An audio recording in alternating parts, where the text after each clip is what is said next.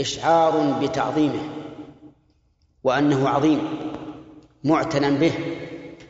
ولهذا نجد أن الله قال في السماوات بغير عمد ولم يذكر لها حملة والعرش ذكر له حملة مع أن مع أن الذي أمسك السماوات والأرض أن تزولا قادر على إمساك العرش بلا حملة. لكن هذا من باب إيش؟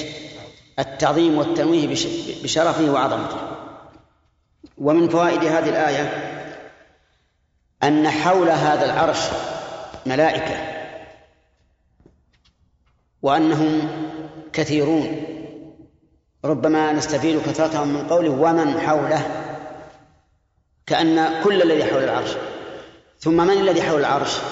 هل يقدر بمسافة عشرة أمتار أو عشرين مترا أو مائة متر أو ألف متر؟ يقال الحول في كل مكان بحسبه. فعندنا مثلا الأرض صغيرة بالنسبة للعرش والذي حولها الذي حول الإنسان فيها لا يتجاوز عشرة أمتار.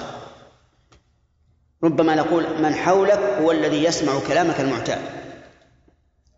لكن من حول العرش ما نعلم. قد تكون مساحات كبيرة لا يعلمها إلا الله. ومن فوائد الآية الكريمة تعظيم هؤلاء الذين يحملون العرش والذين حول العرش للرب عز وجل لقوله يسبحون بحمد ربهم ويؤمنون به. ومن فوائدها تنزيه الله عز وجل عن كل نقص وعن مماثلة المخلوقين. عن كل نقص وعن مماثلة المخلوقين. فإن قيل مماثلة المخلوقين من النقص فلماذا نقول عن مماثلة المخلوقين؟ أفلا يجدر بنا أن نقتصر على قولنا تنزيه الله عن النقص؟ نقول لا.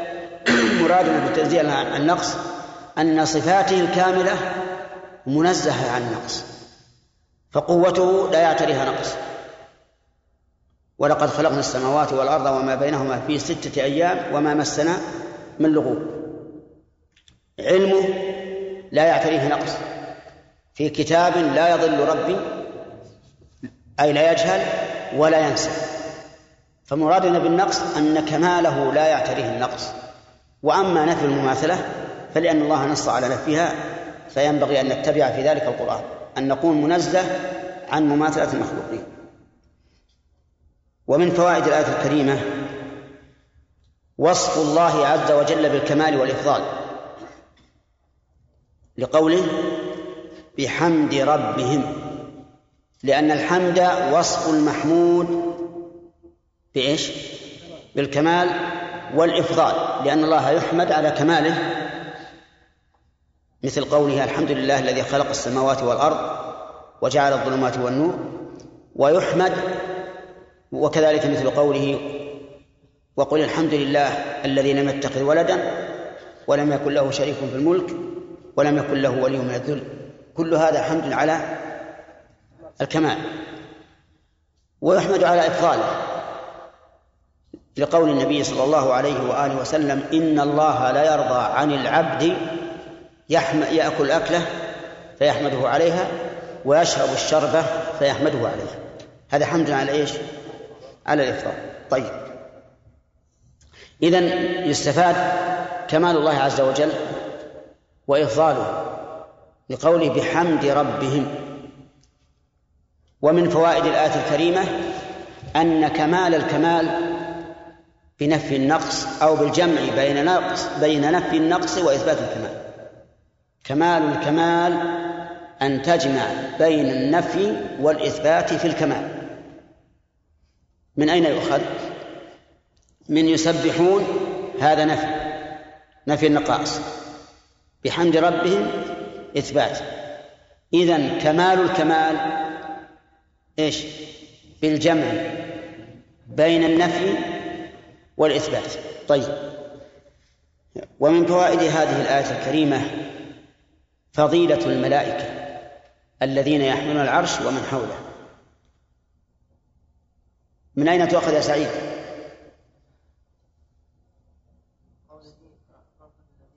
لا لا. عبد الله. لا. من وجوه الآية أنهم يحمد يسبحون بحمد الله وأنهم يؤمنون به وأنهم يستغفرون للذين آمنوا. وغيره إضافة الربوبية إليهم على وجه فإن هذه من من الربوبية الخاصة يسبحون بحمد ربهم وهي كما أشار إليه الأخوان من عدة وجوه. اختصاص الله لهم بحمل العرش تسبيحهم بحمد الله إضافة الربوبية إليه. ومن فوائد الآية الكريمة أن الملائكة مكلفون لقوله ويؤمنون به ووجه الدلالة أنهم لولا أنهم مكلفون قاموا بما كلفوا به لم يكونوا مستحقين للثناء بالإيمان. لو كان هذا من طبيعتهم وسجيتهم لم يكن للثناء عليهم بذلك كبير فائدة. ويدل على أنهم مكلفون. قوله تعالى وإذ قلنا للملائكة اسجدوا لآدم فسجدوا إلا إبليس أبى واستكبر ولا شك أن كل عباد الله الذين لهم فهم وعقل لا بد أن يكونوا مكلفين.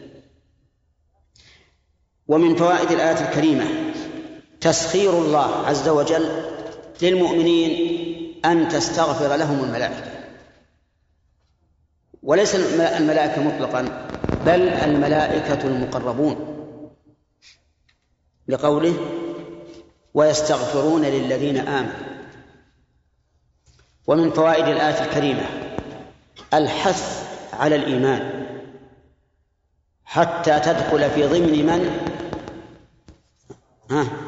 من تستغفر لهم الملائكة. والإيمان كله خير. كله سرور. كله نعمة في القلب ونعمة في البدن.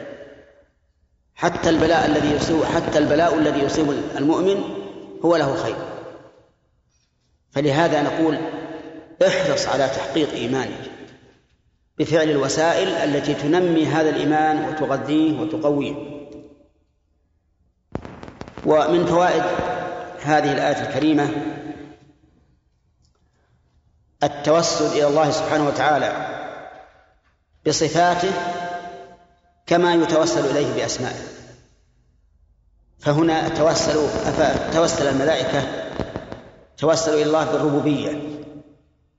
في قولهم ربنا وتوسلوا إليه بسعة الرحمة وسعة كل شيء رحمة وبسعة العلم وعلما والتوسل إلى الله تعالى بصفاته من, من أسباب إجابة الدعاء. كالتوسل إليه بأسمائه. وهنا يجدر بنا أن نتعرض لمعنى الوسيلة وحكمها. قدم شوية. الوسيلة فعل ما يوصل إلى المقصود. فعل ما يوصل إلى المقصود يسمى وسيلة. وربما نقول إنه تناولت تناوبت فيه السين والصاد. وأن أصل الوسيلة يعني الوصيلة وصيلة بمعنى موصلة فهي فعيل بمعنى إيش؟ مفعل. فالوصيلة فالوسيلة كل ما يوصل إلى المقصود يسمى وسيلة. والوسائل لا بد أن تكون معلومة إما بالشرع وإما بالحس. لا بد أن تكون معلومة. وإنما قلت ذلك لدفع الوسائل الموهومة. الوسائل الموهومة كالذين يعلقون على صدورهم أشياء لم يثبت شرعا ولا حسا أنها مفيدة. لكن على سبيل الوهم أو الذين يعلقون نحاسا أو خيوطا أو ما أشبه ذلك. هذه وسائل للشفاء ادعوها ولكنها حقيقة ليست وسيلة لانتفاء ثبوت ذلك شرعا وحسا إذا كانت الوسيلة هي فعل ما يوصل إلى الشيء والعلم بإيصال الشيء بإيصال هذا إلى إلى الشيء أو إلى المقصود فعل ما يوصل للمقصود العلم لكونه موصلا يأتي عن طريق الشرع أو عن طريق الحس. كون العسل شفاء وتناوله وسيلة للشفاء هذا علمناه بطريق شرعي وربما حسي أيضا بعد التجربة وكون السنة محركا للبطن مسهلا له هذه وسيلة حسية أتعرفون السناء؟ السناء ما هو معروف؟ آه. طيب باللغة العامية يسمى السناوين السناوين معروف الحين؟ طيب. هو أوراق شجر معروف يخمر بالماء ثم يشرب على الريق. فإذا شربه الإنسان على الريق فإنه يسهله وينظف بطنه. هذا هو. وكان الناس يستعملونه كثيرا قبل أن تأتي هذه الأدوية. و... نعم. اسمها سنة مكة؟ اي طيب. إيش يسمونه سنوس؟ اي اذا أسماء مختلفة. طيب على كل حال نرجع إلى إلى إلى تعريف الوسيلة. ما هي الوسيلة؟ كل ما يوصل أو فعل ما يوصل إلى المقصود والعلم بإيصاله إلى المقصود يأتي عن طريق الشرع وعن طريق الحس الوسائل التوسل إلى الله تعالى بإجابة الدعاء أن تفعل شيئا يوصل إلى الإجابة. ولا طريق لنا إلى العلم بإيصاله الإجابة إلا عن طريق الشرع. لا لا لا علم إلا عن طريق الشرع. إذا ننظر التوسل إلى الله تعالى بأسمائه. هذا واحد. الأول القسم الأول التوسل إلى الله تعالى بأسمائه. ودليله قوله تعالى ولله الأسماء الحسنى فادعوه بها. فتقول اللهم يا غفور يا رحيم اغفر لي وارحمني. هذا توسل إلى إلى الله بأسمائه. الثاني التوسل إلى الله بصفاته. ومنه قوله صلى الله عليه وآله وسلم اللهم بعلمك بعلمك الغيب وقدرتك على الخلق أحيني إذا علمت الحياة خيرا. أحيني إذا علمت الحياة خيرا لي. بماذا توسل؟ بعلمك الغيب العلم صفة وقدرتك على الخلق القدرة صفة. فتقول اللهم بعلمك الغيب وقدرتك على الخلق أحيني ما علمت الحياة خيرا إلى آخره. طيب. القسم الثالث التوسل إلى الله بأفعاله. أن تتوسل إلى الله بأفعاله. ومن قوله تعالى عن موسى رب بما أنعمت علي فلن أكون ظهيرا للكافرين. إن جعلنا قوله فلن أكون من باب الدعاء. وإن جعلناها من باب الالتزام لم تكن من هذا الباب. ولكن من هذا الباب قوله عليه الصلاة والسلام وهو يعلمنا كيف نصلي عليه اللهم صل على محمد وعلى آل محمد كما صليت على إبراهيم وعلى آل إبراهيم. فالكاف هنا ليست للتشبيه الكاف للتعليل. يعني صل على محمد وآل محمد لأنك صليت على إبراهيم فتوسل فتوسل إلى الله بماذا؟ بفعله يعني كما منت مننت أولا على إبراهيم وآله فمن ثانيا على محمد وآله كم هذه؟ أسماء الله صفات الله أفعال الله القسم الرابع التوسل إلى الله تعالى بالإيمان بالله. التوسل إلى الله بالإيمان به وهذا من فعلك أنت. التوسل إلى الله بالإيمان به. ومنه قوله تعالى ربنا إننا سمعنا مناديا ينادي للإيمان أن آمنوا بربكم فآمنا إلى هذا الوسيلة. ربنا فاغفر لنا أي فبسبب ذلك اغفر لنا ذنوبنا وكفر عنا سيئاتنا وتوفنا مع الأبرار. هذا توسل توسل إلى الله بماذا؟ بالإيمان به. طيب القسم الخامس التوسل إلى الله بالعمل الصالح. التوسل إلى الله بالعمل الصالح. لأن العمل الصالح سبب للمثوبة. ومن المثوبة حصول ما دعوت به. ودليله قصة أصحاب الغار الذين حدثنا بها التي حدثنا بها رسول الله صلى الله عليه وآله وسلم. أصحاب الغار ثلاثة. آواهم المبيت الليل. فلجأوا إلى غار فدخلوا به. فتدحرجت عليهم صخرة عظيمة من الجبل فسدت عليهم باب الغار. ولم يستطيعوا أن يزحزحوها. ولا ولا مغيث لهم إلا الله. ليس حولهم بشر. فماذا صنعوا؟ توسلوا إلى الله تعالى بأعمالهم الصالحة. أحدهم توسل إلى الله ببر والديه. والثاني توسل إلى الله بالعفة. تامة والثالث توسل إلى الله بالأمانة التامة. تعرفون القضية؟ طيب إذا لا حاجة للتفصيل بر الوالدين عمل صالح. العفة عمل صالح. الأمانة وأداء الأمانة عمل صالح. فلما توسل منه الأول منهم انفرجت الصخرة لكن لا يستطيعون الخروج. توسل الثاني انفرجت الصخرة لكن لا يستطيعون الخروج. توسل الثالث انفرجت الصخرة مرة واحدة فخرجوا يمشون. هذا التوسل الله بماذا؟ بالعمل الصالح. السادس التوسل إلى الله بحال الشخص. تتوسل الله تعالى بذكر حالك.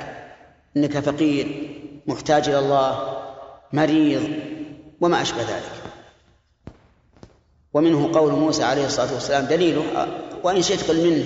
يعني هذا يصلح دليلا وتمثيلا. ربي إني لما أنزلت إلي من خير فقير. لما سقى للمرأتين تولى إلى الظل ليستظل به. فقال رب إني لما أنزلت إلي من خير فقير. هذا ما ما قال أعطني ولا ولا شيء. لكن توسل إلى الله بإيش؟ بحاله.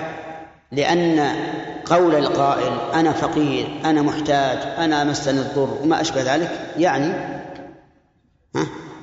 يعني فأعطني اشفني.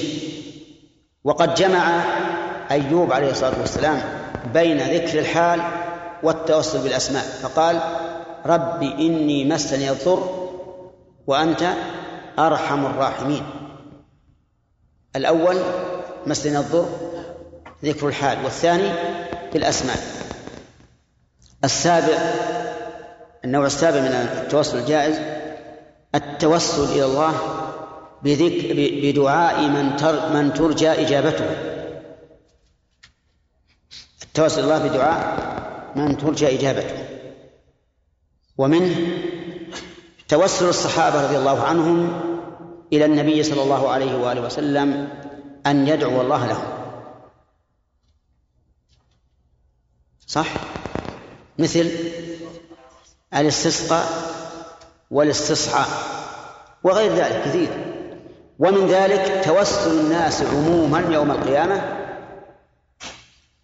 بإيش؟ بشفاعة شفاعة النبي صلى الله عليه وسلم إلى الله أن يقضي بينهم هذه سبعة. وقولنا التوسل إلى الله بمن ترجى إجابته. يستفاد منه أن التوسل إلى الله تعالى بمن لا ترجى إجابته لا يجوز. لأن هذا استهزاء بالله. لو أنك أتيت بصاحب ربا يأكل الربا ويأكل الحراء المال بالظلم والغش والكذب. وقلت ادعو الله لي فإن هذا لا يجوز. لأنك توسلت إلى الله بمن تبعد إجابته. فإن النبي صلى الله عليه وسلم ذكر الرجل يطيل السفر أشعث أغبر يمد يديه إلى السماء يا ربي يا رب وملبسه حرام ومطعمه حرام وغضي بالحرام قال فأنا يستجاب لذلك. فأنا يستجاب لذلك وهو سخرية لو أنك أتيت بشخص ولله المثل الأعلى ليتوجه لك إلى ملك كان الملك يبغض هذا الشخص ويبعده ماذا يكون هذا؟ ها؟ استهزاء بالملك واستهتارا به كل يعرف هذا فلا يجوز أن تتوسل إلى الله بدعاء من لا ترجى إجابته لأن هذا من باب السخرية بالله عز وجل. هذه سبعة أقسام من التوسل إيش؟ الجائز. أما التوسل الممنوع فأن يتوسل إلى الله بما ليس بوسيلة. مثل توسل المشركين بأصنامهم حيث يقولون ما نعبدهم إلا ليقربونا إلى الله زلفى. هذا ليس لا, لا ينفع. ومن ذلك التوسل إلى الله بجاه الرسول صلى الله عليه وآله وسلم. هذا لا يجوز لأنه توسل بما ليس بوسيلة. ماذا تستفيد من جاه من جاه الرسول عند الله؟ لا شيء. لأن جاه الرسول عند الله إنما ينفع من؟ ينفع الرسول فقط. لا علاقة لي به. فلذلك يكون التوسل بجاه الرسول صلى الله عليه وآله وسلم ممنوعا محرما. أولا لأنه لم يرد والثاني لأنه ليس بوسيلة. إذ أن الوسيلة هي فعل ما يوصل إيش؟ إلى المقصود وأي شيء وأي ارتباط بين جاه الرسول عند الله وبين مطلوبه. فصار التوسل الممنوع شيئان أو شيئين. الأول التوسل الشركي توسل المشركين بآلهتهم لتقربهم إلى الله فإن هذا لا شك أنه وسيلة غير صحيحة وأنها باطلة. على أن تسميتنا إياها وسيلة إنما نريد من لا يعبد الأصنام.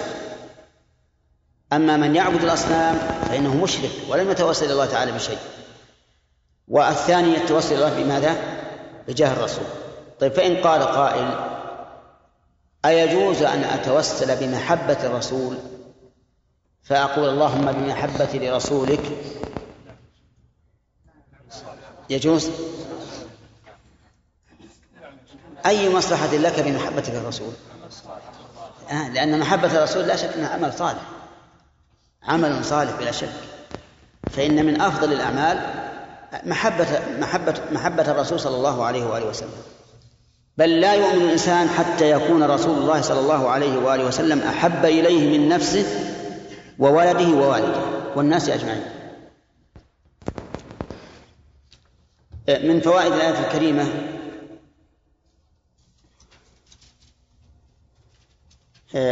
بيان الصيغة التي يقولها أو التي تقولها الملائكة في استغفارهم للمؤمنين أنهم يتوسلون أولا ثم يطلبون ثانيا.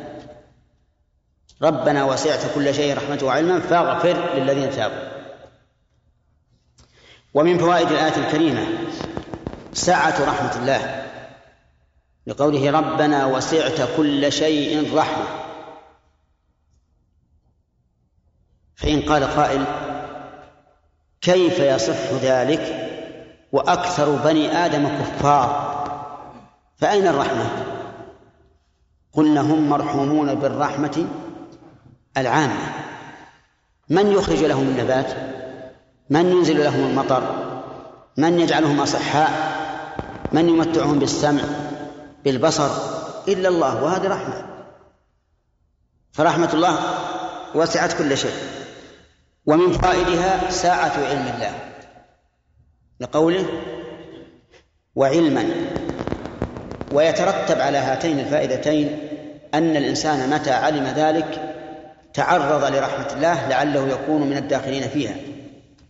وإذا آمن بذلك أي بساعة علم الله استحيا من الله أن يفقده حيث أمره أو يجده حيث نهاه. أليس كذلك؟ طيب لو قال لك أبوك يا بني لا تفعل كذا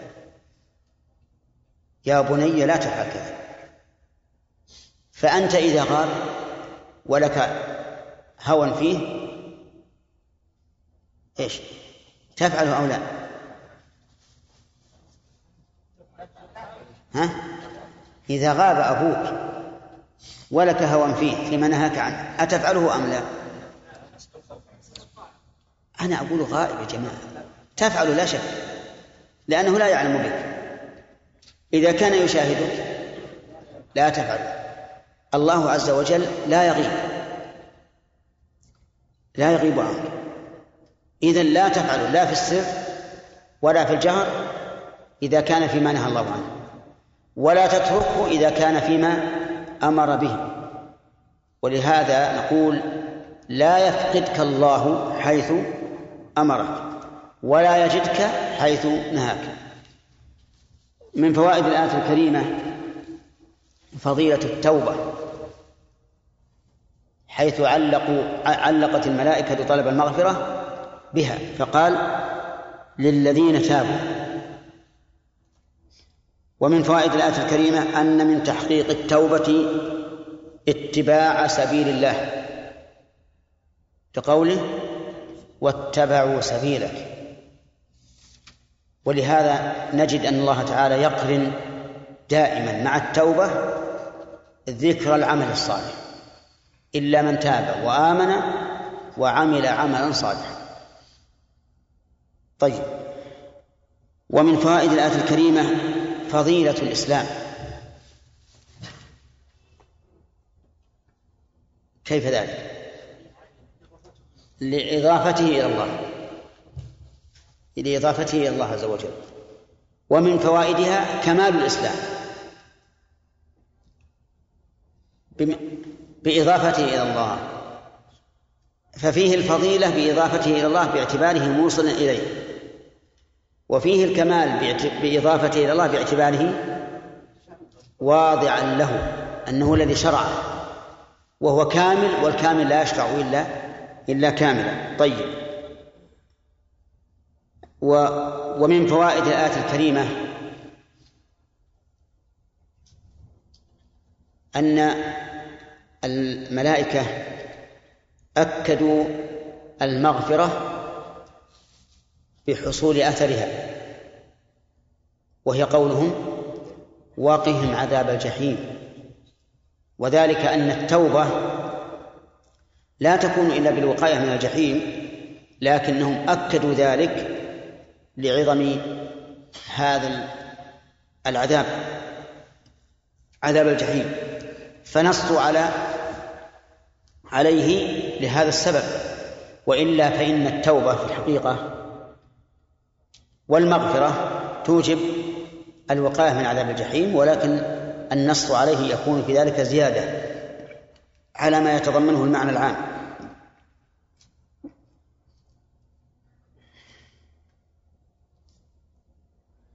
هل يمكن أن يؤخذ من هذه الآية الرد على الجبرية؟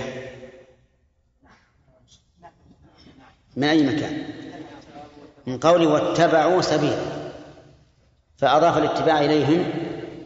ولو كانوا مجبرين على ذلك لم يصح أن يضاف الفعل إليهم. ولهذا إذا أكره الإنسان على الكفر لا يكفر لأن الفعل لا ينسب إليه حقيقة فهو مكره عليه. والله أعلم. نعم.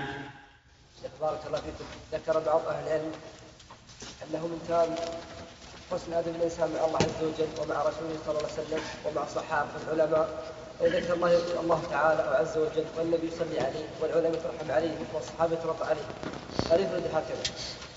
هذا على إطلاقه؟ وقال إنه من ترك فقد فات خير عظيم. نعم. أما من جهة أما من جهة الصلاة على النبي صلى الله عليه وسلم فإنه لا شك ان أنه إذا ذكر فإنه فإن الإنسان مأمور بالصلاة عليه إما وجوبا وإما استحبابا. فمن العلماء من أوجب عليك إذا ذكر عندك اسم الرسول أن تصلي عليه لحديث رغم أنف امرئ ذكرت عنده فلم يصلي عليك قل آمين فقل آمين. وأما الله عز وجل فليس بشرط الثناء عليه عند عند قوله. ولهذا دائما يقول الرسول عليه الصلاة والسلام قولا يسنده إلى الله ولا يذكر وصفا بالعزة أو الجلال أو التعالي أو التبارك. أحيانا يقول وأحيانا لا يقول. فكونك أحيانا تقول وأحيانا لا تقول أحسن. وكذلك بالنسبة للتراضي عن الصحابة أو الترحم على من بعدهم كل هذا لا يتخذ سنة راتبة. ولكن إن ذكر أحيانا فهو حسن. هذا السنة راتبة فهو يحتاج إلى دليل. أي نعم. عبد الله؟ نعم. ما هو الضابط؟ الفرق بين الوسيلة الشركية والوسيلة البدعية؟ نعم ما هو الضابط في ذلك؟ هذا لم يذكر اسمه فلا يستحق الجواب. نعم. نعم. آه، البدعية الوسيلة البدعية هي التي لم ترد عن النبي عليه الصلاة والسلام ولا عن أصحابه. والشركية هي ما تتضمن إشراك غير الله مع الله. مع أن البدعة تسمى شركا بالمعنى العام لأن المبتدع شرع شرعا لم لم يشرعه الله وقد سمى الله ذلك شركا فقال أم لهم شركاء؟ شرعوا لهم الدين ما لم يأذن به الله. لكن ما كان مظهره مظهر الشرك غلب عليه اسم الشرك وما كان مظهره سوى ذلك فيسمى بالاسم الذي يختص به. ولهذا قال بعض العلماء إن جميع المعاصي شرك كل المعاصي شرك لأن الإنسان أشرك فيها مع الله هواه كما قال تعالى أفرأيت من اتخذ إلهه هواه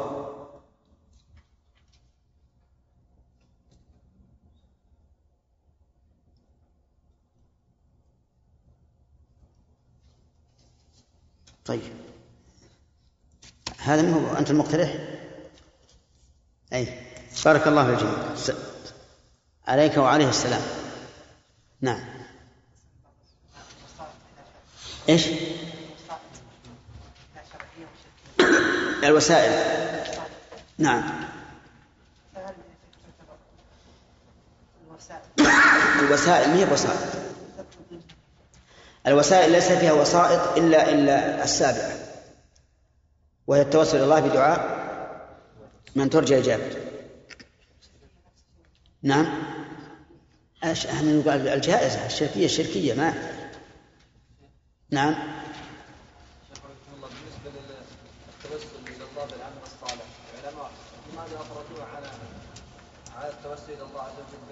نعم. لأن الإيمان بالقلب والعمل الصالح بالجوارح لا. إلا الذين آمنوا وعمل الصالحات فالإيمان بالقلب والعمل الصالح بالجوارح لكن العمل الصالح من الإيمان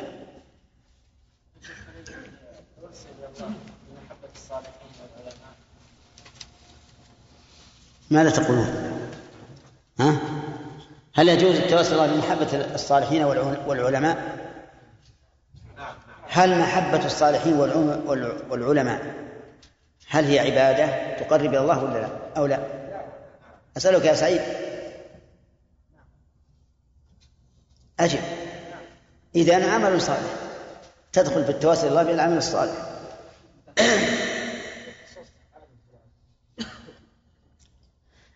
لا الأحسن لا تخصص لأن العالم بعينه. نسأل الله يحمينا وإياكم ويجعل ظواهرنا كبواطنها أو بواطنها خيرا منها. ما تدري يعني؟ قد تغتر بإنسان ولكن لا يكون على ما تظن. لكن عمم اللهم بحبي بحبي لعلماء الشرع احشرني معهم بحبي للصالحين اجعلني معهم وما أشبه ذلك.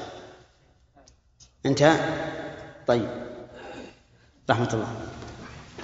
اقرأ.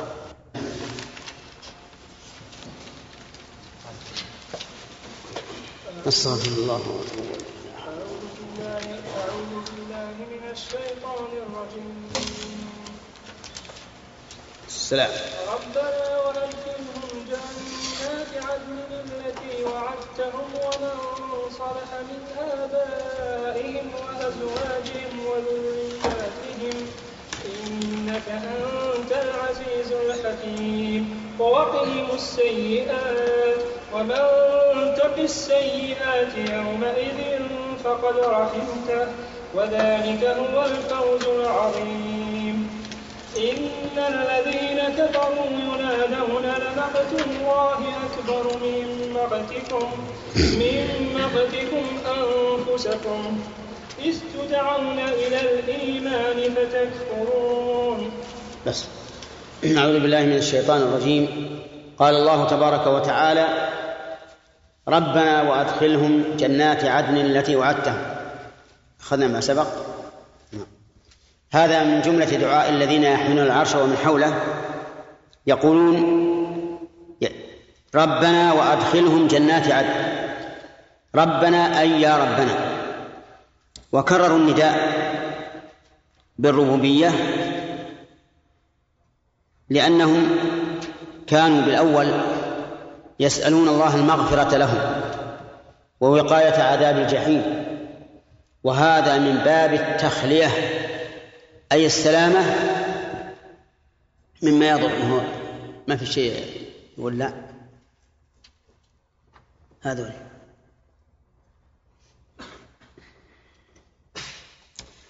أما الثاني فهو من باب التحلية أي من باب حصول المطلوب.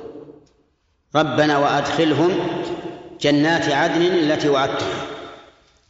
فصار الجملة الأولى من الدعاء فيها النجاة من المرهوب والثانية فيها حصول المطلوب ولهذا كرروا قولهم ربنا ربنا وأدخلهم وجعلوا هذه الجملة معطوفة على ما سبق لا مستأنفة أي لم يقولوا ربنا أدخلهم قالوا وأدخلهم لتحقق, لتحقق ما قبلها لأن العطف يقتضي ثبوت المعطوف عليه.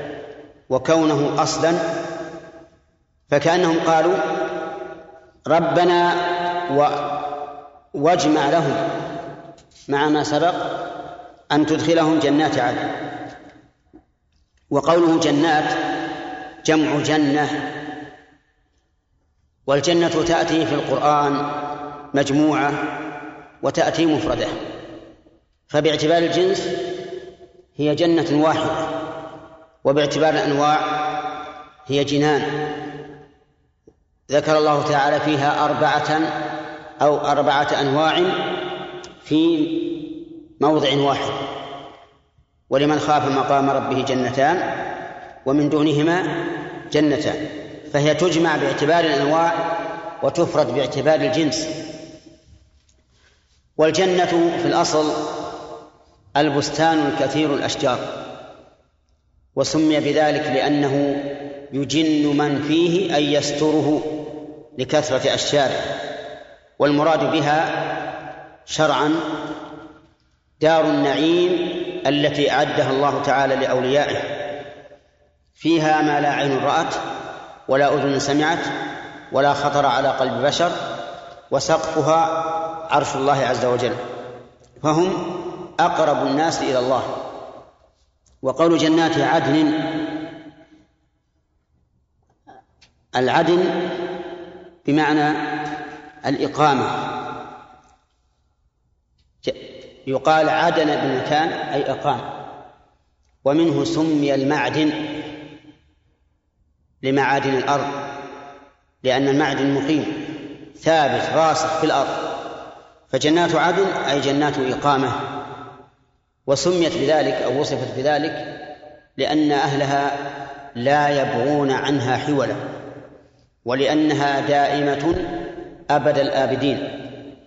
وقول التي وعدتهم صفة لجنات وإنما قالوا ذلك اعترافا بفضل الله تعالى أولا وآخرا.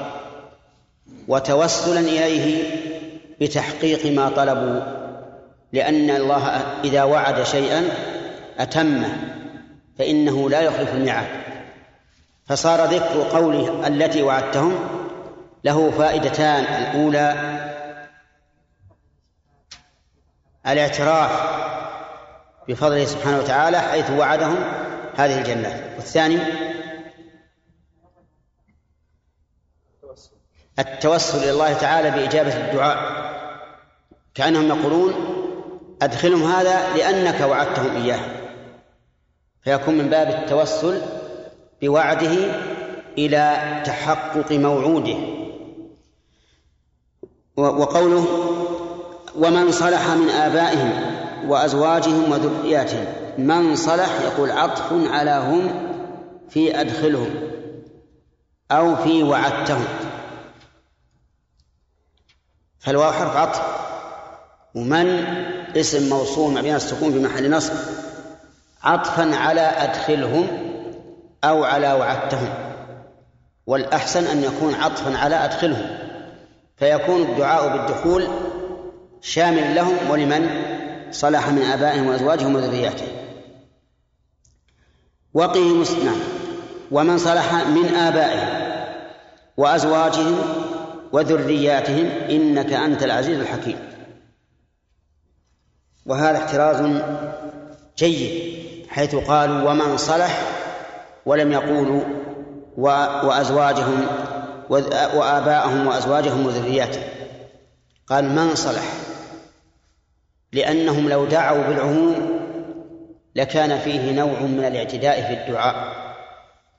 لأن الاعتداء في الدعاء هو أن يدعو الإنسان بما لا يمكن شرعا أو حسا. كل من دعا الله تعالى بما لا يمكن شرعا أو حسا فإنه معتد في الدعاء. ولو زدنا أيضا أو حسا أو عادة فهو معتد. فلو سأل الله تعالى أن يخرج له ولدا من جدار بيته لكان هذا اعتداء في الدعاء. ولو سأل ولو سأل الله تعالى أن يجعله نبيا لكان هذا اعتداء في الدعاء لأن ذلك لا يمكن شرعا. ولو سأل الله أن يجعل السماوات والأرض بيده لكان هذا معتديا في الدعاء لأنه لا يمكن عقلا. نعم. ف فما لا يمكن شرعا أو عقلا أو أو عادة أو حسا فإنه لا يدعى لا يدعى الله به لأن هذا اعتداء في الدعاء. فهنا يقول عز وجل يقول الله سبحانه وتعالى ومن صلح من آبائه لو قالوا آباءهم لكان فيه نوع من الاعتداء حيث إن آباء هؤلاء قد يكونوا مشركين كفارا لا يستحقون أن يدخلوا الجنة. فيقول من صلح من آبائه وأزواجهم جمع زوج. وذرياتهم جمع ذرية. فذكروا الأصول والفروع والمصاهرة الأصول والفروع آباء وذريات. والمصاهرة أزواج. إنك أنت العزيز الحكيم. هذه الجملة استئنافية يراد بها التوسل إلى الله تعالى بعزته وحكمته. أن يحقق هذا الدعاء أو هذا المدعو به. في الآية هذه فوائد. أولا إثبات أن الملائكة عباد مربوبون. بقولهم ربنا وأدخلهم إلى آخره. ومن فوائدها أن الشيء لا يتم إلا بانتفاء المؤذي وحصول المطلوب. لأنه وجه ذلك أنهم لما انتهوا من دعاء الله تعالى بانتفاء المؤذي سأل الله تعالى حصول المطلوب وهو إدخال الجنات. ومن فوائد الآية الكريمة أن الجنات أنواع. نستفيد هذا من من الجمع. ومن فوائدها أن الجنات دار إقامة. لا يبغي ساكنها تحولا عنها ولا يلحقه فناء. لقوله جنات عدن. ومن فوائد هذه الآية التوسل إلى الله تعالى بفعله أو قوله لقولها التي وعدتهم فإن وعده قول. وهؤلاء الأنبياء هؤلاء الملائكة وهؤلاء الملائكة توسل الله بهذا القول. ومن فوائد الآية الكريمة بيان فضل الله عز وجل على أهل الجنة أولا وآخرا. أولا حيث وعدهم الجنة لأن الوعد بالجنة يقتضي العمل لها وثانيا بإدخالهم إياها ومن فوائد الآية الكريمة أن من تمام النعيم أن يجمع الله بين الإنسان وبين قرابته وزوجه. لقوله أدخلهم جنات عدن التي وعدتهم ومن صلح من آبائهم إلى آخره فإن قال قائل هل يلزم من ذلك أن يكونوا في درجة واحدة؟ قلنا لا يلزم. ولكن الأزواج لا بد أن يكونوا في درجة أزواجهم. والذرية ذكر الله سبحانه وتعالى في سورة الطور أنهم في درجة آبائهم أيضا. قال الله تعالى والذين آمنوا واتبعتهم ذريتهم بإيمان ألحقنا بهم ذريتهم وما ألتناهم من عملهم من شيء. وهذا يدل على أن الذرية الذين لم يبلغوا منازل آبائهم أنهم يرفعون حتى يكونوا في منازل آبائهم. وأن ذلك لا يقتضي نقص الآباء من المنازل. يعني لا نقول إن الحل وسط. نرفع هؤلاء قليلا وننزل هؤلاء قليلا. ولهذا قال وما ألتناهم من عملهم من شيء لئلا يظن الظان أنه إذا إذا رفع رفعت الذرية فإنها ترفع قليلا وينزل الآباء بمقدار ما رفع هؤلاء ليلتقوا في نقطة الوسط. وهذا ليس كذلك. لأنه لو نزل الآباء قليلا لزم من ذلك أن ينقصوا. ولكن الله يقول وما ألفناهم أي ما ما نقصناهم أي الآباء من عملهم من شيء. كل امرئ بما كسب رهن. ومن فوائد الآية الكريمة الاحتراز في الدعاء عن التعميم. بقولهم ومن صلح من آبائهم وأزواجهم. ومن ذلك قول إبراهيم عليه الصلاة والسلام وارزق أهله أي أهل المسجد الحرام من الثمرات من آمن منهم بالله واليوم الآخر. أهله ثم أبدل منها قوله من آمن منهم بالله واليوم الآخر. فاحترز. ولكن الله تعالى قال ومن كفر. يعني أرزق من في هذا البلد ولو كانوا كفارا لكن من كفر فأمتعه قليلا. ثم أضطره إلى عذاب النار وبئس المصير. المهم أنه ينبغي للإنسان في الدعاء أن يحترز من التعميم الذي قد يتناول من لا يستحق الدعاء فيكون في دعائه هذا نوع من إيش؟ من الاعتداء. ومن فوائد الآية الكريمة إثبات هذين الاسمين العزيز والحكيم. من أسماء الله. وإثبات ما تضمناه من الوصف أو من الصفة.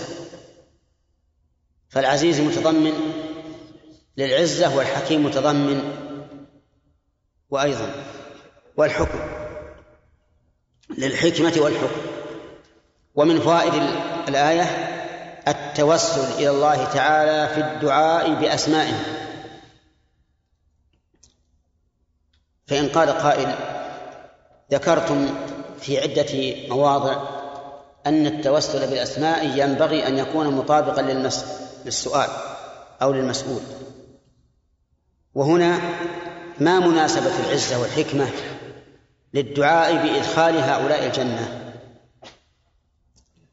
الظاهر والله أعلم أن المطابقة أنهم دعوا أن الله يدخل من صلح من آبائهم وأزواجهم وذرياتهم وهذا أمر يحتاج إلى عزة وتمام وتمام سلطة وإلى حكم وحكمة فلهذا ختموا هذا الدعاء بقولهم إنك أنت العزيز الحكيم دون أن يقولوا إنك ذو الفضل العظيم.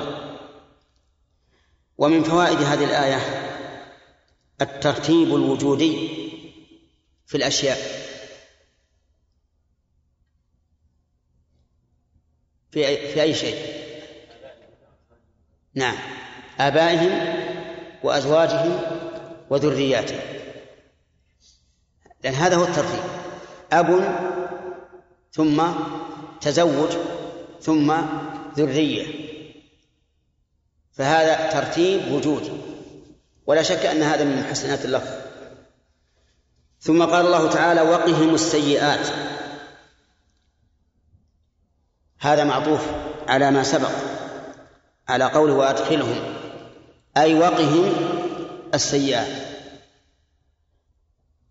والجملة فعل أمر وفاعل ومفعول به بل ومفعولين. الجملة تضمن فعلا وفاعلا ومفعولين. الفعل قي. قي والفاعل مستتر وجوبا. والمفعول الأول ألهى والمفعول الثاني السيئات. وقي هنا فعل أمر لكنه مكون من حرف واحد بعد أن حذف منه. حذف منه حرفان. هنا. الأول والثالث وهذا وهكذا كل مثال ناقص فإنه يكون فعل فعل إذا إذا كان ثلاثيا فإن فعل الأمر منه على حرف واحد. هذه القاعدة. كل مثال ناقص ففعل الأمر منه إذا كان ثلاثيا على حرف واحد. عرفتم؟ ما هو المثال؟ الذي أوله حرف علة والناقص الذي آخره حرف علة. طيب إذن القاعدة هذه تشمل أمثلة كثيرة وقد جمعها الخضري في حاشية ابن عقيل على ألفية بن مالك جمعها في أبيات. نعم منها قي في عي يعني عد عدد الآن لا يحفظ من كل معدد لكن الضابط هو هذا. كل ثلاثي كان مثالا ناقصا ففعل الأمر منه على حرف واحد. طيب وقهم السيئات. قال قال المفسر أي عذابها أي عذابها وهذا إذا جعلنا السيئات بمعنى الأعمال السيئات فإنه يتعين أن نفسر ذلك بعذاب السيئات لماذا؟ لأن عمل السيئات الآن قد انتهى وقته كذا نعم, نعم. وإنما الموجود هو الجزاء فيفسر حينئذ بالعذاب. وأما إذا فسرنا السيئات بما يسوء دون العمل الذي يقع من العبد فإنه لا حاجة إلى أن نقول عذابه. لماذا؟ لأن العذاب مما يسوء فكأنهم قالوا وقهم ما يسوءهم من العذاب. والقاعدة في التفسير وفي شرح الأحاديث أنه إذا دار الأمر بين احتمال التقدير وعدم التقدير فالأولى عدم التقدير. وعلى هذا فنقول السيئات هنا لا يراد بها الأعمال السيئات التي هي فعل العبد قطعا لأن لأن هذا قد انتهى. وإنما يراد بالسيئات ما يسوء من أعمال ومن عقوبات ومن عذاب ومن غير ذلك. خل واحد يتقدم يعني بالمكان الفاضي هذا. نعم. وقيموا السيئات. ومن تق السيئات يومئذ يوم القيامة فقد رحمته. فقد رحمته. من؟ شرطية. جملة فقد رحمته. جواب الشرط. وإنما اقترن اقترن جواب الشرط بالفاء لأنه مبدوء بقد. وجواب الشرط إذا بدأ بقد وجب اقترانه بالفاء. وله نظائر. مما يجب اقترانه بالفاء ينشدنا البيت فيه حمد. الحصين أنشدنا البيت في هذا المعنى. ما تذكر أين ذهبت الآن؟ أين ذهبت؟ في جسمك. في جسمك. في جسمك. لا في قلبك. في جسمك. ما أزل ما طيب المهم أنه يجب ارتباط جواب الشرط بالفاء إذا وقع واحدا من سبعة أمور.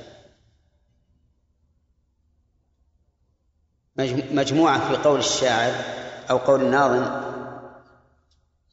اسمية طلبية وبجامد وبماء وقد وبلن وبالتنفيس. التنفيس يشمل سوف والسين. هل هذه الآية من أي الأنواع السبعة؟ قوله قد وبقد. بارك الله فيك. نعم. فقد رحمته. وما نعم. و ومن تقى يومئذ فقد رحمته وذلك المشار إليه وقاية السيئات والرحمة هو الفوز العظيم. هو يجوز أن تكون مبتدأ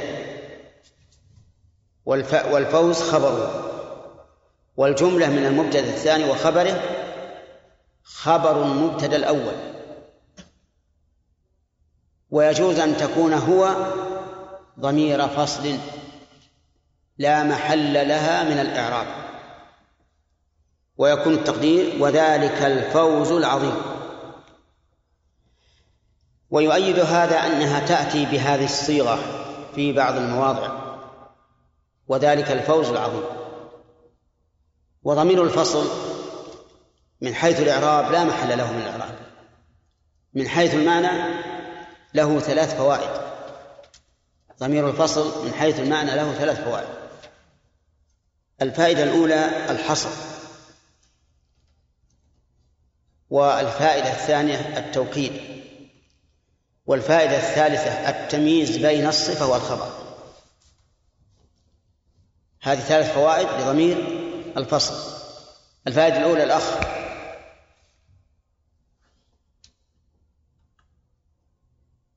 أنت يا أخي لا الذي قدامك هذا المهم الذي التفت الآن.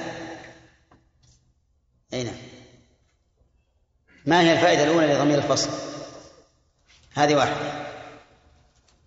الثاني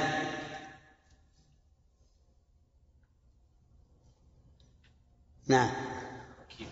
التوكيد أو التأكيد. التوكيد أفصح. ولا تنقض الأيمان بعد توكيدها. ولم يقل تأكيدها. لكنه يجوز الهمزة. طيب الثالث الأخ. أي أنت؟ من من يتكلم الآن؟ إلى الآن ما ما, ما سألتك يا أخي. الفائدة الثالثة. نعم. التمييز بين الخبر والصفة. يظهر هذا في المثال. إذا قلت زيد الفاضل وأنت تريد أن تكون الفاضل خبر مبتدأ. فإنه يحتمل أن تكون الفاضل صفة والخبر لم يأتي بعد. يحتمل أن يكون المراد زيد الفاضل فاهم. أليس كذلك؟ ويحتمل أن تكون الفاضل خبر المبتدأ.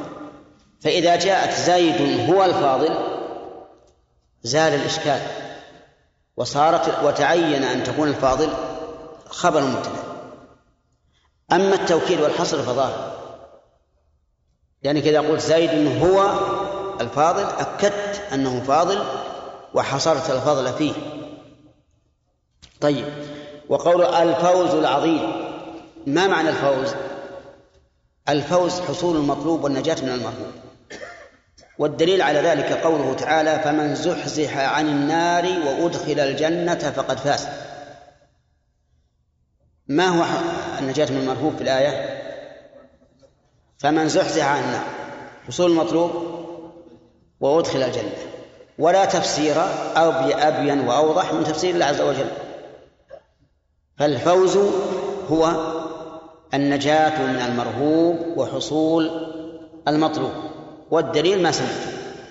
وقولها العظيم وصف له بالعظمة لأنه لا فوز أعظم من هذا. لا فوز أعظم من أن يمن الله عليك بسكن هذه الدار جعلنا الله وإياكم من ساكنيها التي فيها ما لا عين رأت ولا أذن سمعت ولا خطر على قلب بشر. كل الناس في الدنيا المؤمنون يسعون للوصول إلى هذه الدار. ولهذا لما قال الأعرابي للنبي عليه الصلاة والسلام يا رسول الله أنا لا أحسن دندنتك ولا دندنة معاذ ولكني أسأل الله الجنة وأستعيذ به من النار. فقال حولهما ندندن نحن لا نريد, لا نريد إلا هذا. وهذا الحديث وإن كان في صحته ما فيه لكن حقيقة هو هذا. كل الناس كل المؤمنين يعملون للوصول إلى هذه الدار.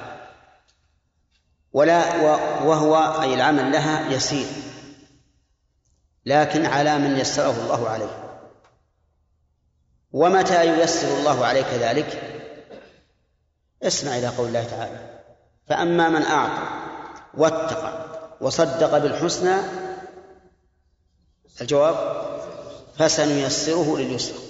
اعمل أنت. كما قال النبي عليه الصلاة والسلام اعملوا فكل ميسر لما خلق له. طيب يقول ذلك الفوز العظيم. نأخذ الفائدة في هذه الآية. آه، من فوائد هذه الآية أن الملائكة الذين يحملون العرش ومن حوله يسألون الله تعالى أن يقي الذين آمنوا أن يقيهم السيئات.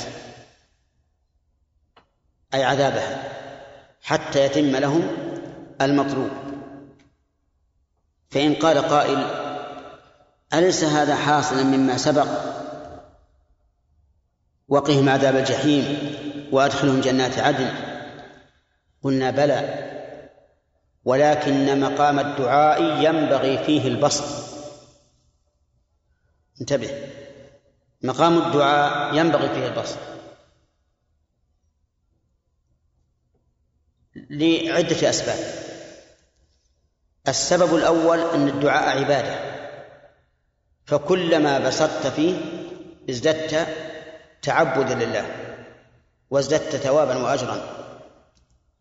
ثانيا أن البسط فيه التفصيل. والتفصيل خير من الإجمال. لأن الإجمال قد ينسى الإنسان فيه أشياء مهمة ولا تطرا على باله. لكن إذا فصل تبين الأمر. الثالث أن التفصيل في الدعاء انبساط مع الله عز وجل. لأن الداعي يناجي ربه. ومن المعلوم أن مناجاة المحبوب يستحب فيها التطويل أو نقول بعبارة ثانية من المعلوم أن مناجاة المحبوب يحب الحبيب أن يطول أن تطول المناجاة بينه وبين وبين حبيبه. وهذا شيء مشاهد. إذا جلس إليك من تحب فإنك تود أن يطول الحديث ويطول الجلوس حتى إن الزمن ينفرط بسرعة. وإن جلس إليك الثقيل قلت إذا حل الثقيل بدار قوم فما للراحلين سوى فما للسكين سوى الرحيل. أحيانا يجلس إليك الثقيل يخاطبك ويكلمك كلما خاطبك بكلمة ولو كانت ثناء عليك كأنما صفع وجهك لأنك يكون عندك كأنه جالس على قلبك لكن الحبيب إذا جلس إليك لا تود أن تفارقه ولا تمل حديثه. ولكن من خير الجلساء؟ لنا جلساء لا نمل حديثه حديثهم. الإباء مأمونون غيبا ومشهدا. يعني بذلك الكتب. أعز مكان في الدنا سرج سابح وخير جليس في الزمان كتاب. هؤلاء هم الجلساء الذين لا يملون والذين ينفعون ولا يضرون. طيب على كل حال نقول إنه ينبغي البسط في الدعاء لثلاثة أسباب. السبب الأول أنه عبادة فكلما بسطت فيه ازددت تعبدا وتقربا لله. الثاني أنه تفصيل والتفصيل خير من الإجمال لأنه قد يكون في التفصيل ما, ما يغيب عنك عند الإجمال.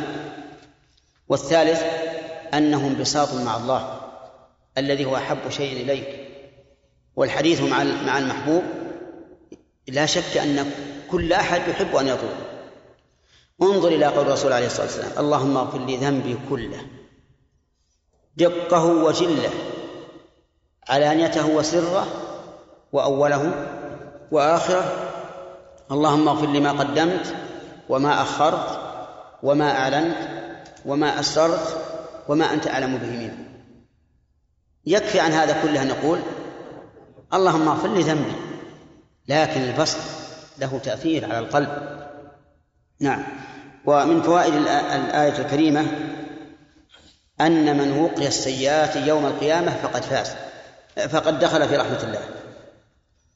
بقوله ومن تق السيئات يومئذ فقد رحمته.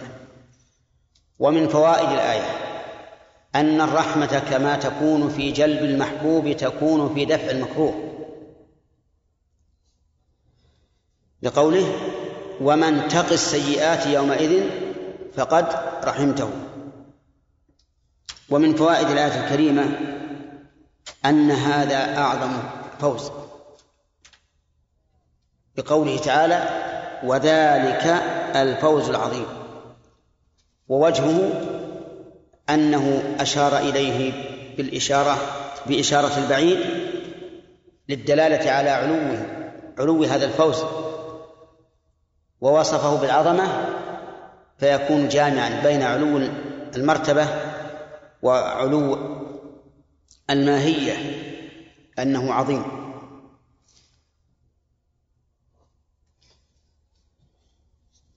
نعم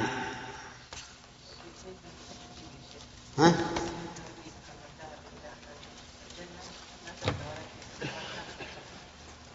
إيه؟ إيش؟ إيه؟ نجيب أي فائدة أي فائدة بأجسام لا حركة فيها.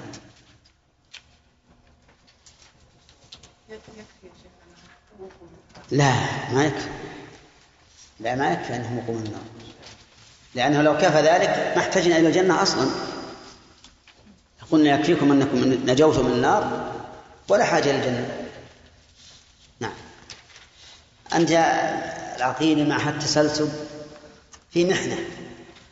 أشكل عليك التسلسل في الأول والآن تحاول أن لا تسلسل في الثاني. نعم. أترك هذا اغسل مخك منه. ها؟ اي نعم. إيش؟ إذا؟ إذا؟ إيه؟ إذا خالف يعني بعض الناس اذا قلت اللهم اهد الكفره والملحدين أو اذل الشرك والمشركين قلت برحمتك يا ارحم فلا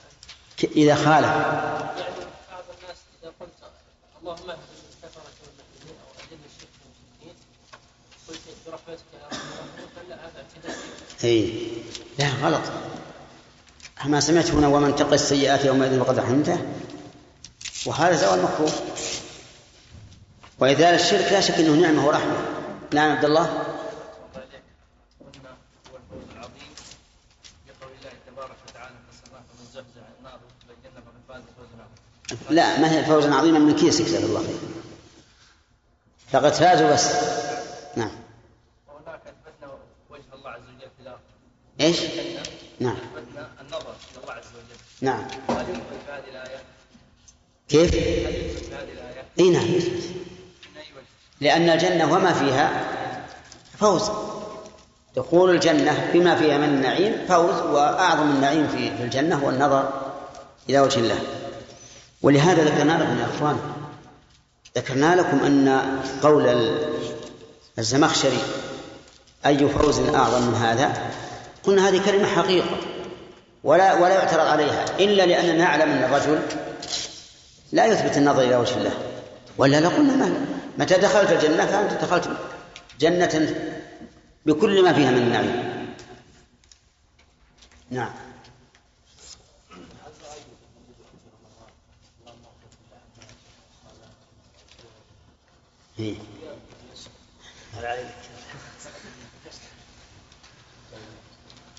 هذا هل كرروا الدعاء ولا كرروا المدعو له؟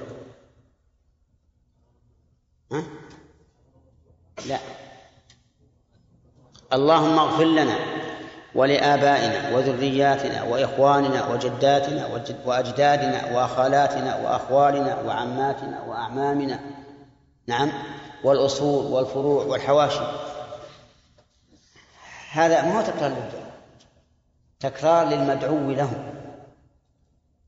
وأنت ترى الملائكة الآن ما دعت إلا لثلاث أصناف فقط. الأصول والفروع والأصهار الزوجات. لكن على كل حال ما نقول في هذا شيء من ما ننكر عليه. لكن كونه يطول على الناس بمثل هذه الأشياء قد يكون فيه مضرة على الناس. تعب. نعم. رحمة الله. أعوذ بالله من الشيطان الرجيم. قال الله تبارك وتعالى إن الذين كفروا ينادون.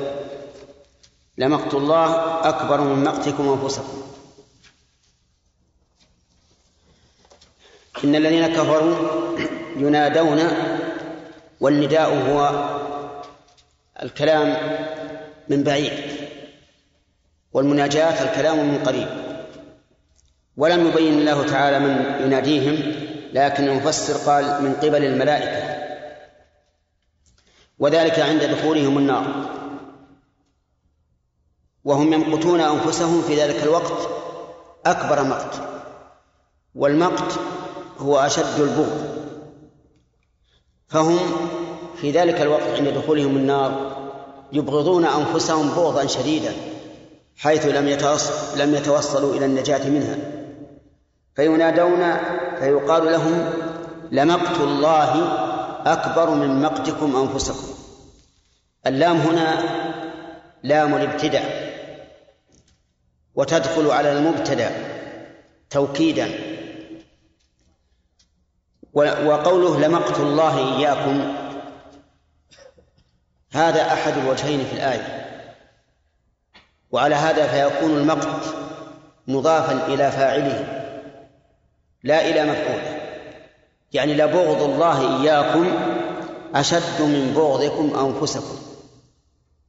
وقيل إنه مضاف إلى مفعوله لا إلى فاعله. وعلى هذا يكون المعنى لمقتكم الله حين تدعون إلى الإيمان أكبر من مقتكم أنفسكم اليوم. أي أنهم كرهوا ما دعوا إليه في الدنيا من محبة الله وأبتلوا ذلك بأشد البغض. وهذا المعنى أقرب. هذا المعنى أقرب مما مشى عليه المؤلف رحمه الله أو المفسر رحمه الله. لمقت الله إياكم وعلى ما رجحنا يكون المعنى لمقتكم الله فهو مضاف إلى مفعوله. متى مقت الله؟ إذ تدعون إلى الإيمان.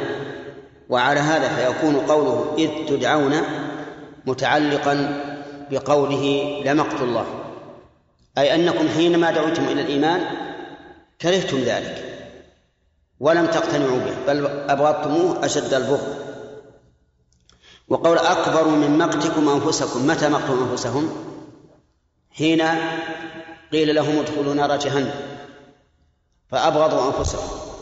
وقول من مقتكم أنفسكم مقت هنا مصدر مضاف إلى يا سعيد. مضاف إلى إيش؟ اقرأ الكتاب اقرأ القرآن أمامك ما في أياكم من مقتكم أنفسكم. مقت هنا مضاف إلى إيش؟ إلى فاعلها ومفعولها إلى فاعله. لا لا لا. ما على قول المؤلف. قول المؤلف في قول لا مقت الله. لكن مقتكم أنفسكم. هذا مصدر مضاف إلى فاعل. يعني إنهم هم مقتوا أنفسهم. وأنفس مفعول مقت. وقالوا إذ تدعون إلى الإيمان فتكفرون. تدعون في الدنيا إلى الإيمان. وأبهم الداعي لأن دعوتهم إلى الإيمان تكون من الرسل وتكون من ورثة الرسل وهم العلماء. فالداعي لهم إلى الإيمان في الدنيا ليس واحدا بل هم الرسل يدعونهم وورثة الرسل وهم العلماء يدعونهم كذلك. إذ تدعون إلى الإيمان فتكفرون. الإيمان بمن؟ أي بالله وملائكته وكتبه ورسله واليوم الآخر والقدر خيره وشره. هذا هو الإيمان كما فسره النبي صلى الله عليه وآله وسلم حين سأله جبريل قال أخبرني عن الإيمان قال أن تؤمن بالله إلى آخره. إذ تدعون إلى الإيمان فتكفرون. والمراد بالإيمان هنا كما ذكرت لكم هو الإيمان بالأركان الستة وكذلك الانقياد اللازم من الإيمان بهذه الأركان الستة. ولهذا هم دعوا إلى الإيمان الذي الذي في القلوب ودعوا إلى الاستسلام أيضا وهو أعمال الجوارح وكفروا بذلك كله. وإذ تدعون إلى الإيمان فتكفرون. من فوائد هذه الآية الكريمة بيان أن أن الكافرين يوبخون يوم القيامة توبيخا يزيدهم ألما إلى ألم. لقوله لمقت الله أكبر من مقتكم أنفسكم. ومن فوائد ذلك أنهم تبين لهم ما هم عليه من الضلال والكفر حين رأوا العقاب. وجهه أنهم مقتوا أنفسهم في ذلك الوقت حين رأوا العذاب. وهذا يدل على أنهم تبين لهم الضلال في ذلك اليوم. ومن فوائد الآية الكريمة على ما مشى عليه المؤلف إثبات المقت لله أي أن الله يمقت أي يبغض. هذا على ما مشى عليه المؤلف من أن مقت مضافة إلى الفاعل يرحمك الله.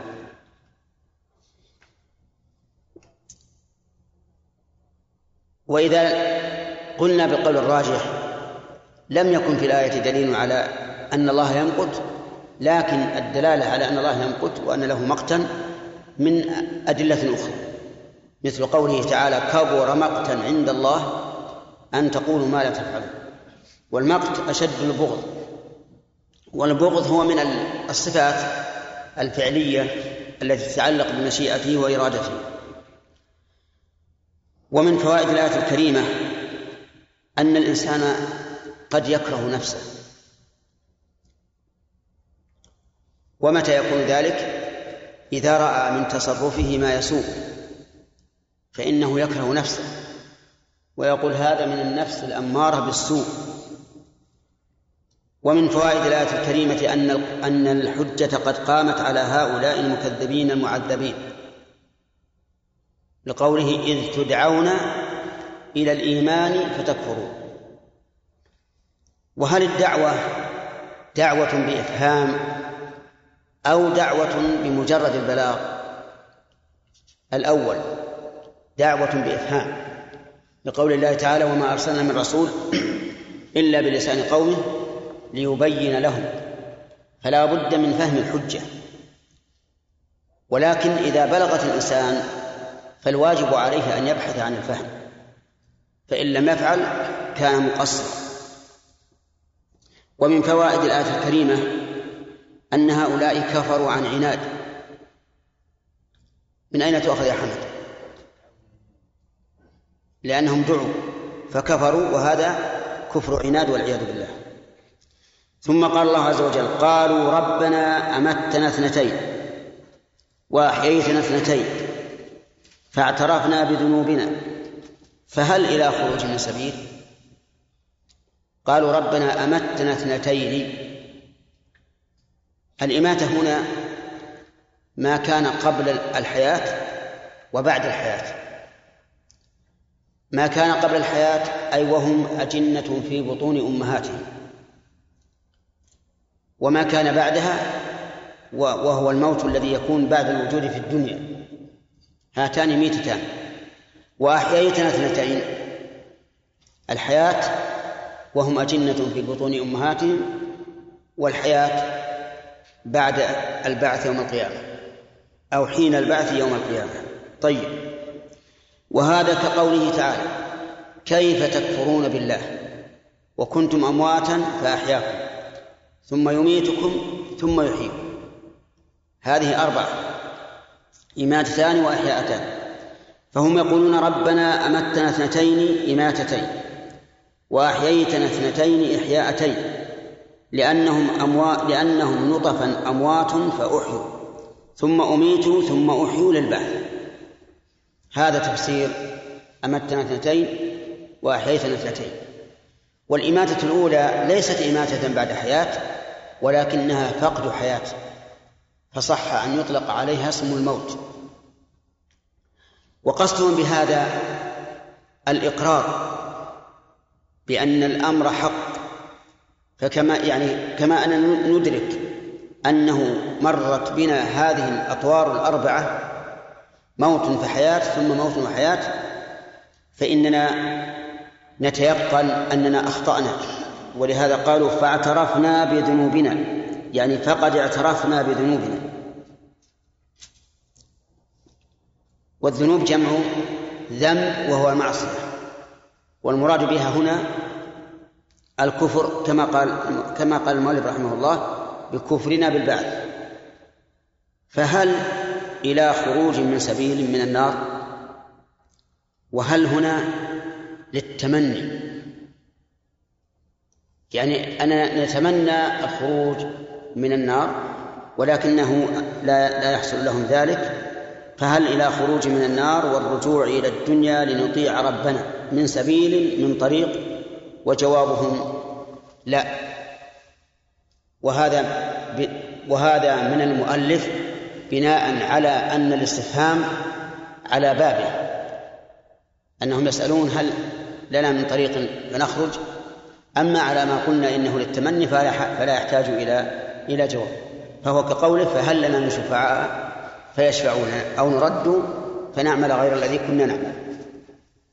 هذه الآية فيها إثبات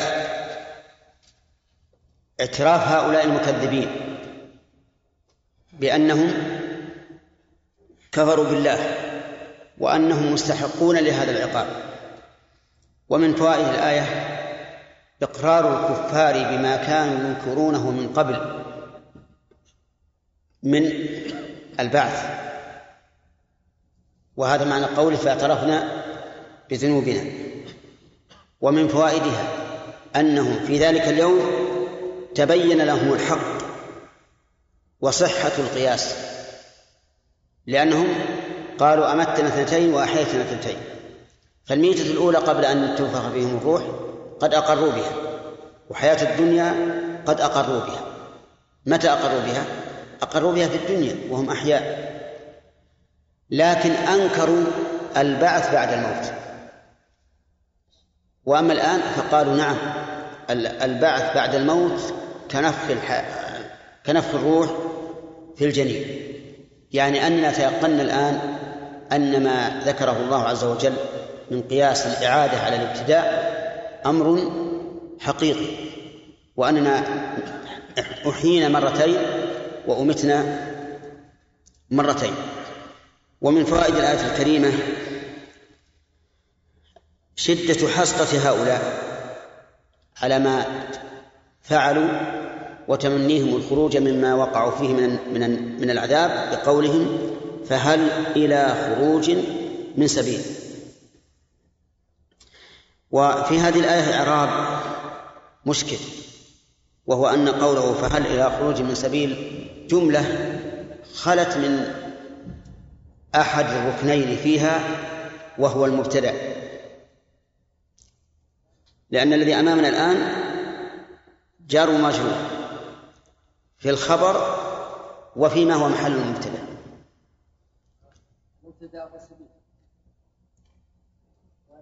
وهل يكون المبتدأ مجرورا؟ لا. نعم. إذن المبتدأ سبيل دخلت عليه حرف من الزائدة إعرابا. زائدة إعرابا ولهذا نقول في إعرابها من حرف جر زائد وسبيل مبتدأ مرفوع بضمة مقدرة على آخره. منع من ظهورها اشتغال المحل بحركة حرف الجر الزائد. ثم قال الله تعالى ذلكم بأنه إذا دعي الله وحده كفرتم وإن يشرك به تؤمنوا فالحكم لله العلي الكبير. ذلكم يقول المفسر أي العذاب الذي أنتم فيه. فالمشار إليه موجود. أي أن العذاب الذي أنتم فيه بسبب كذا وكذا. وهنا قال ذلكم وتأتي أحيانا بذلك وتأتي أحيانا بذلكن وتأتي أحيانا بذلكما. فما هو السبب في تغير الخطاب في هذه الإشارات؟ فيقال اسم الإشارة بحسب المشار إليه. وكاف الخطاب الذي بعدها التي بعدها بحسب المخاطب. اسم الإشارة بحسب المشار إليه والكاف بحسب المخاطب. فإذا أشرت إلى واحد مخاطب من اثنين فقل عبد الله. نعم. فقل ذلكما كما قال يوسف لصاحبي السجن ذلكما مما علمني ربي وإذا أشرت اثنين إلى اثنين مخاطبا واحدا فماذا تقول؟ ذانكما ها؟ ذانكم. أشرت إلى اثنين مخاطبا واحدا.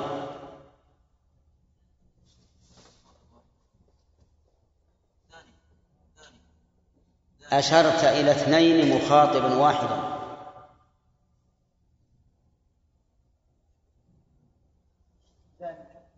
ذلك كقوله تعالى فذلك برهانان من ربك. فذلك برهانان من ربك. وإذا أشرت إلى واحد مخاطبا جماعة جماعة الذكور. آه. أشرت إلى واحد مخاطبا جماعة الذكور.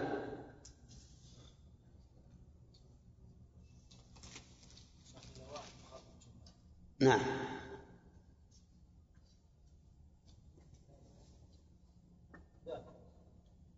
ذاكم هات اللام أحسن. ها؟ ذلكم. ومنه قوله تعالى وذلكم ظن وذلكم ظنكم الذي ظننتم بربكم. طيب. وإذا أشرت إلى واحد وإذا أشرت إلى واحد مخاطب جماعة إناث. نعم. أنت. أي نعم. ذلكن. قالت فذلكن الذي لمتنني فيه. طيب. وإذا أشرت إلى اثنين مخاطبا اثنين. ثانكما طيب. وإذا أشرت إلى اثنين مخاطبا جماعة الذكور.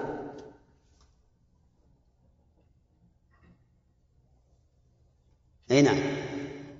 إذا أشرت إلى اثنين مخاطبا جماعة الذكور. ها؟ ذانكم. صح. وإذا أشرت إلى اثنين مخاطبا جماعة إناث. ذانكم. طيب. وإذا أشرت إلى جماعة مخاطبا جماعة الذكور. اليوم.